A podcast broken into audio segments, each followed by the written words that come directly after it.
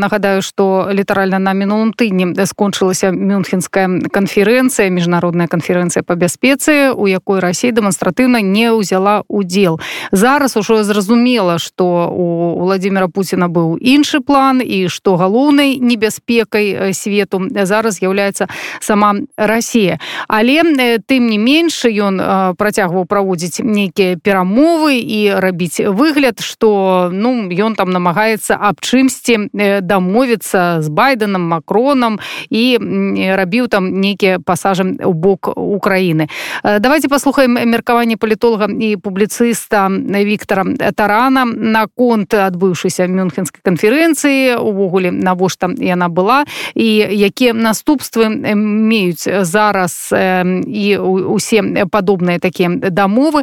І увогуле паводзіны Росії по-перше, давайте розберемося, що таке формат Мюнхенської конференції. Це по суті зібрання представників повідних держав, які у своїх виступах окреслюють геополітичні виклики, які чекають світ, і як ті чи інші держави будуть на них реагувати. Як правило, на Мюнхенських конференціях не оголошуються якісь поривні заяви. Остання поривна заява була 14 років тому, в лютому 2008 року, під час виступу пана Путіна, да, на якому він по суті оголосив про денонсацію тогочасного і сучасного світового порядку. І після цього і розпочалися активні російські дії на території Грузії, буквально через півроку, на території України, Білорусі і на територіях країн Африки, там Малі, Сірії, тобто. Ми говоримо про те, що Росія почала діяти принципово інакше у зв'язку з цим, як тільки стало відомо, що Росія відмовляється від того, аби взяти участь у цьогорічній конференції, всі одразу зрозуміли, що нічого проривного ми там не почуємо. Тому що по суті був порушений головний інструмент, да, який був закладений ще в стародавній Греції, да, дебатній Греції.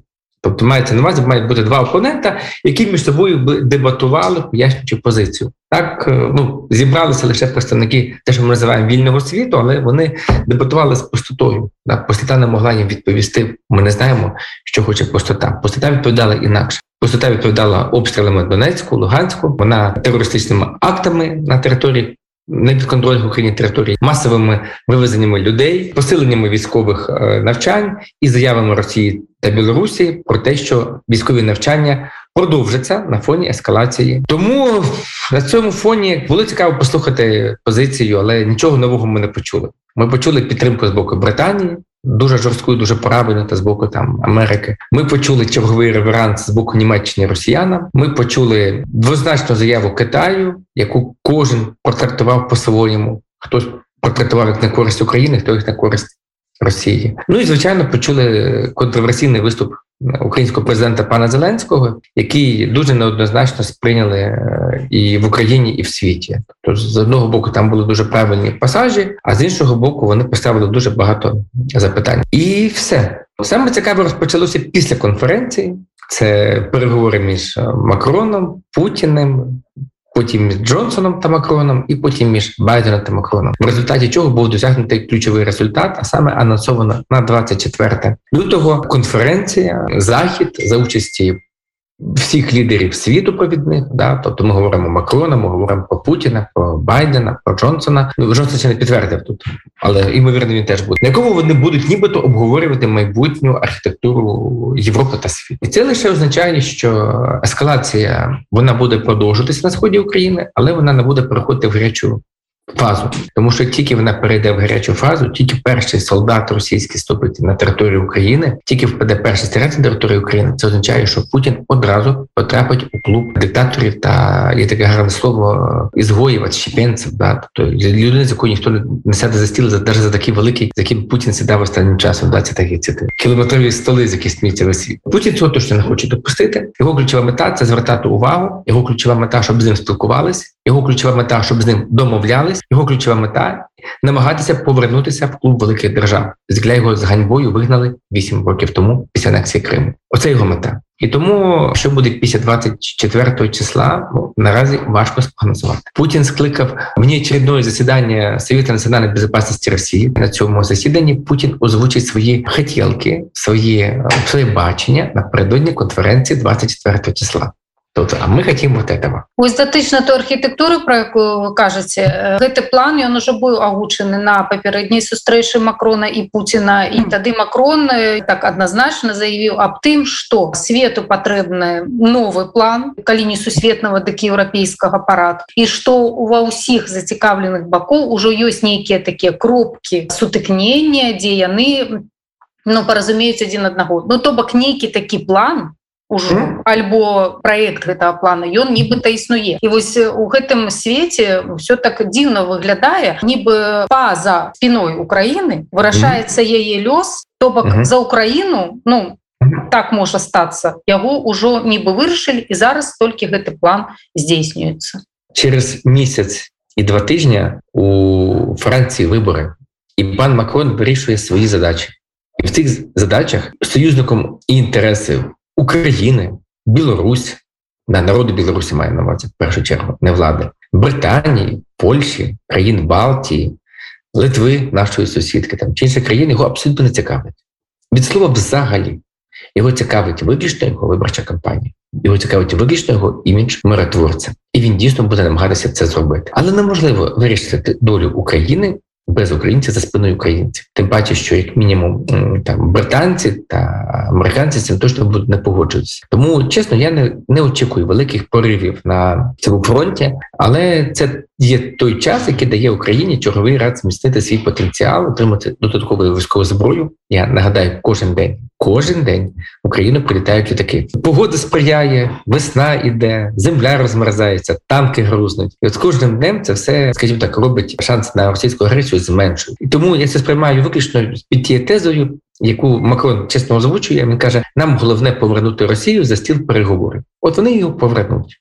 А от е, прориву знову чергового я не чекаю. Росія сама себе випадково загнала в пастку або не випадково. А Путін так підняв ставки, що зараз йому буде дуже складно йти назад, да? бо це не занадто маленьке, він не погодиться, а великі йому не дадуть. А російські генерали та ФСБ генерали дуже уважно спостерігають зараз за Путіним. Якщо він зараз дасть слабкість, піде назад, ну вони його першими з'їдять. Да? Як там в тому ж знову радянському мультику, да? помавлі, а Кіле промахнувся. От він тепер не має права промахнутися, він вибирає, куди плигати але знову ж таки плигнути на Україну це буде дуже дорого. І тому я думаю, що вони підуть на формальне ведення військ ОДКБ та Росії на Донбас окупацію Донбаса. На жаль, по суті, де факто ми отримали підтвердження де факто окупації Білорусі. Ви бачили Росію заяву російського генштабу про те, що російські війська залишаться в Білорусі стільки стільки треба. Це заява від 21 числа. На жаль, я співчуваю братам білорусам, але ну те, що ми знали уже давно, вони легалізувалися. Да, ми знали, що давно окупація відбулася. Тобто тепер вони як маски сорвані. Так, тобто я співчуваю, але я думаю, це ненадовго все одно Правда, переможе це питання часу має. А далі, якщо вони ведуть свої війська на Донбас російський, і там з'являться беретворці ДКБ, там почнеться черговий раунд. І що це буде? Там відмова від мінську, мінськ 3 якісь локальні дії. Мені зараз важко спрогнозувати. Але повторюся, повномасштабну війну, ведення військ і заведення на територію України, бомбардування Києва. Ну чесно, я не вірю. Тому що як тільки будь-який, хоч би один снаряд впаде на території Києва і загине, хоч один мирний мешканець, то Росія втратить будь-яке моральне право на світовому рівні розказувати про київських бандеровців, які бомблять там Київ, займаються геноцидом, всі інше. Він сам одразу опиняється в клубі, там де є Мілошевич, покійний, Каддафі, покійний. Ну і я далі можу називати інших Садам Хусейн покійний. От і тоді ми дорога туди. Може, якраз таки мета Росії зараз і не бомбувати Київ, не захоплювати Україну, тому що гэта mm. насапраўды ну нереалістичний план. Mm -hmm. Але ж вот тое, што вы сказали, окупація Беларусі, то бок ужо краіна под Росіяй і акупацыя ЛНР і ДНР. І по, з, з потым з паслядоўнай яе легалізацыяй ну то бок вы вызнаннем незалежнымі можа гэта вось на дадзены момант на дадзены там стратэгічны нейкі тэрмін часу гэта і ёсць мэта Росіі і тады у, у такім выпадку гэта сітуацыя він-він. Усе з гэтым пагодзяцца тому что гэта ўжо ну відавочна адбываецца. І у якім стане тады апынецца Украіна якая ўжо будзе ну сціснута ў Росію ну яшчэ большим колом Ви знаєте, в цій історії є як плюси, так і мінуси. Плюс полягає в тому, що ми тоді констатуємо, що мінські угоди 2 не діють, і ми формально зв'язані руками. Але з іншого боку, знаєте, одне діло, коли бойові дії відбуваються з бойовиками формально з проросійськими бойовиками ЛНР ДНР, ще ми розуміємо, що це роблять російські війська. Ну але вони ж в масках.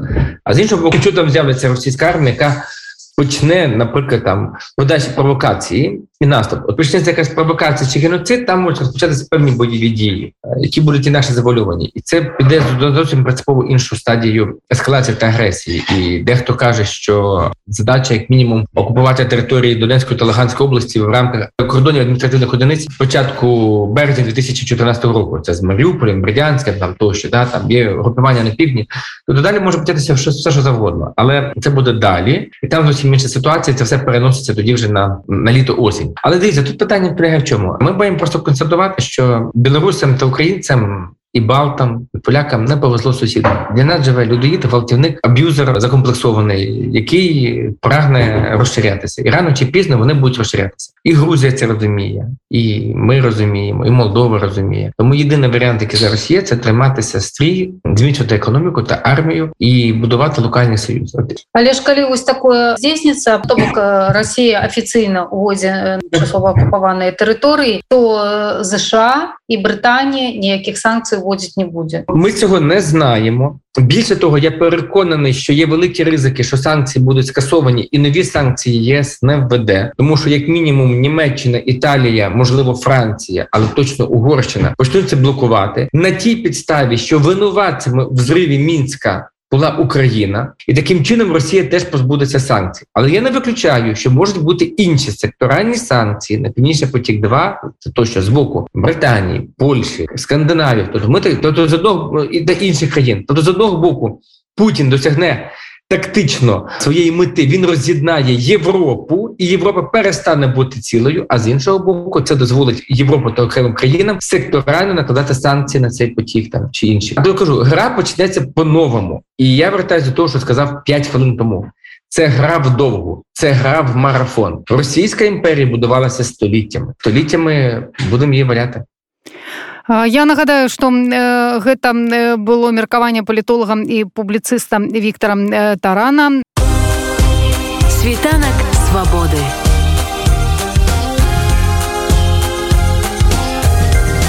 Спіць вольнасці